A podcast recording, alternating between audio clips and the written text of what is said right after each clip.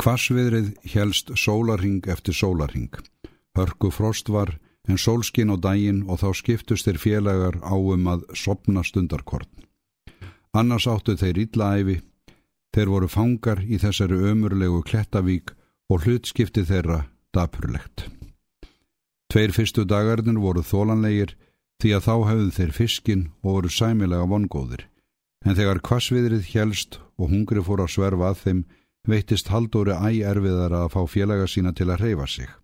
Enda þótt född þeirra væri orðin þurr, hurðu þeir sífelt að vera á ferli mestan hlut af sólarhingsins til að verjast kali og það var skilda formansins að sjá um að þeir gæfust ekki upp. Þetta var erfitt verk og vanþakklátt. Það var lítil vonum björgun þegar á allt var lítið og því minni sem lengra leið. Hásetarnir sögð ekki margt en þrjóskuðust við þegar Haldur rak þá á fætur og hann láði þeim það í raunin ekki. Hvers var að býða? Til hvers voru þeir að leggja þetta á sig? Þeirra yrði ekki leita nema veðrinu slótaði og vafalust myndi langt til byggða. Svo myndi heldur engum detta í hug að leita þeirra á þessum stað þar eða vonlaust virtist á nokkur slippi þarna lífandi í land. Svo myndu þeir ekki finnast nema einhver sæi reikin á bálinu en stormurinn kom í vekk fyrir það og Haldur var laungu hættur að horfa upp eftir berginu eins og hann hafi gert tvo fyrstu dagana, þar var engum fært nema fugglunum fljúandi. Það var á einskismanns færi að klifra upp svellaða hamrana. Og til hvers var þá að streytast á móti því sem óumflíjanlegt var? Hungur og svebleysi lamaði þrek þeirra æg meira og senn myndi öll von úti. Þetta gat ekki endað nema á einn veg. Sjálfur var hann farin að láta á sjá og hann gat gert sér í hugarlund hvernig hinnum liði þótt enginn þeirra leti aðru orð falla. Hann var líka að reka hinn áfram upp á sitt eindæmi og það tók á taugarnar. Ef Jóni Díavögg hafði rétt honum hjálparhand, þá myndi það hafa verið mikill munur, en Jón Jónsson gekk stanslöst fram og aftur um stallin, mælt ekki orð og hafðist ekkert að. Haldur var ofta því komin að byggja hann að hjálpa sér en hafði ekki geði sér til þess þegar áátt að herða. Fannst ekki eiga að þurfa að byggja slíks eins og allt var í pottin búið.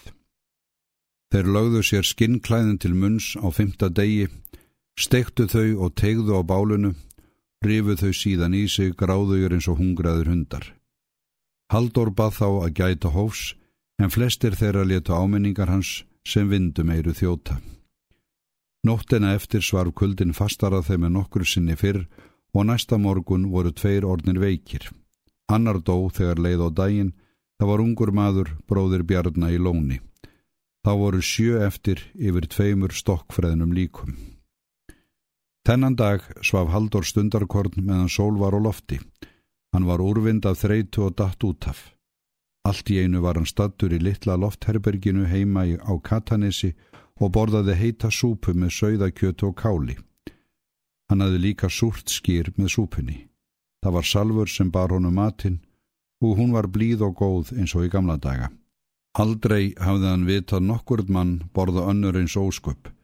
Hann tæmdi hverja súpuskálan af annari, hvert fatið af öðru og alltaf kom salfur með meira.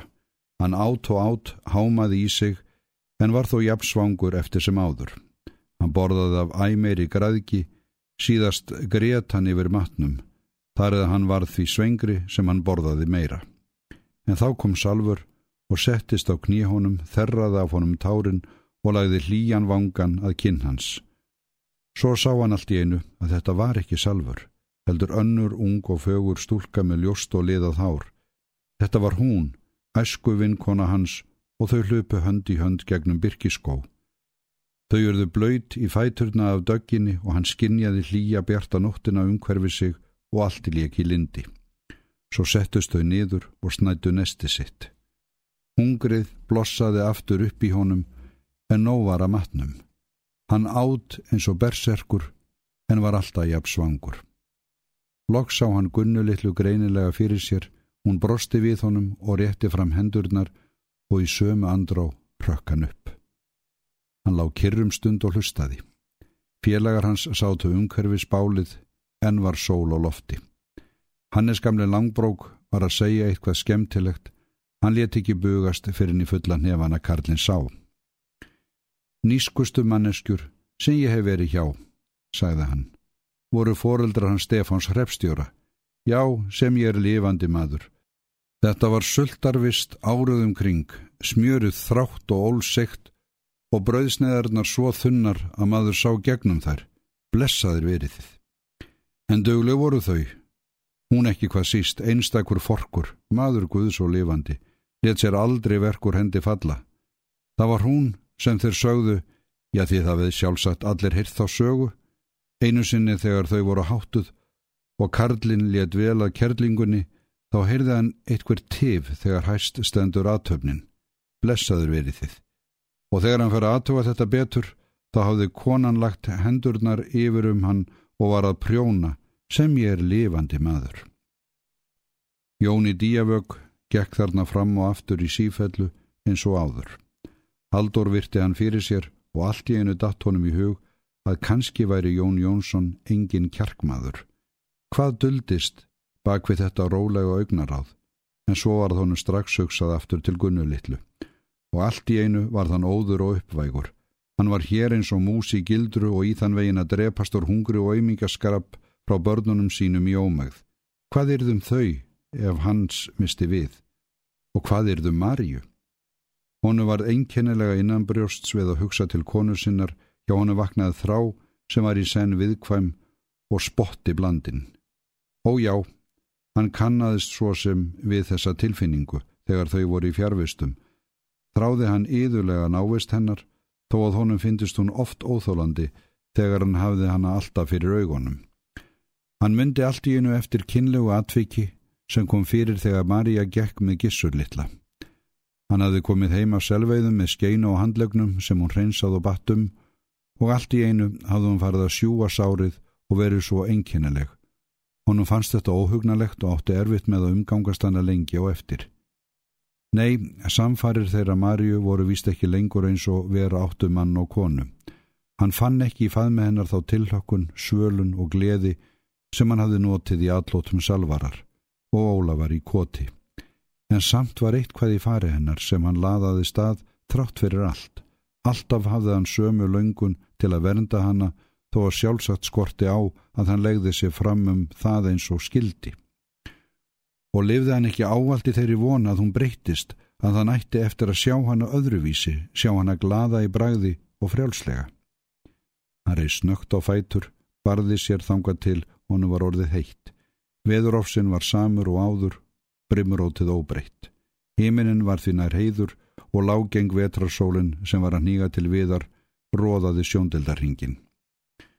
Samræða félaga hans við báli snýrust nú öllu mat og bar glögt vittnum skerandi hungur þeirra. Veikimaðurinn var orðin svo aðfram komin að hann lág eins og döður væri.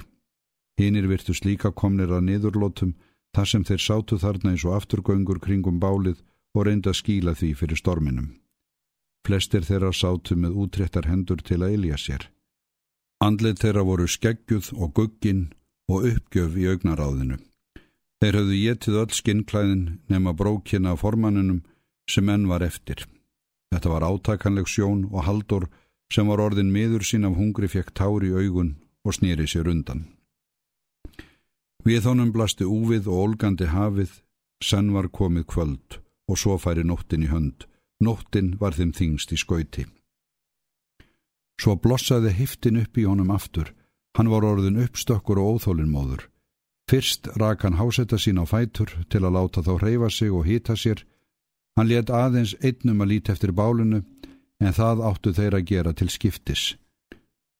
Síðan fór hann einu sinni enn að stara á hamravegin fyrir ofan þá sem víðast var svellaður og grár en hér og þar auðir blettir þar sem sá í kolsvart þvernýft bergið.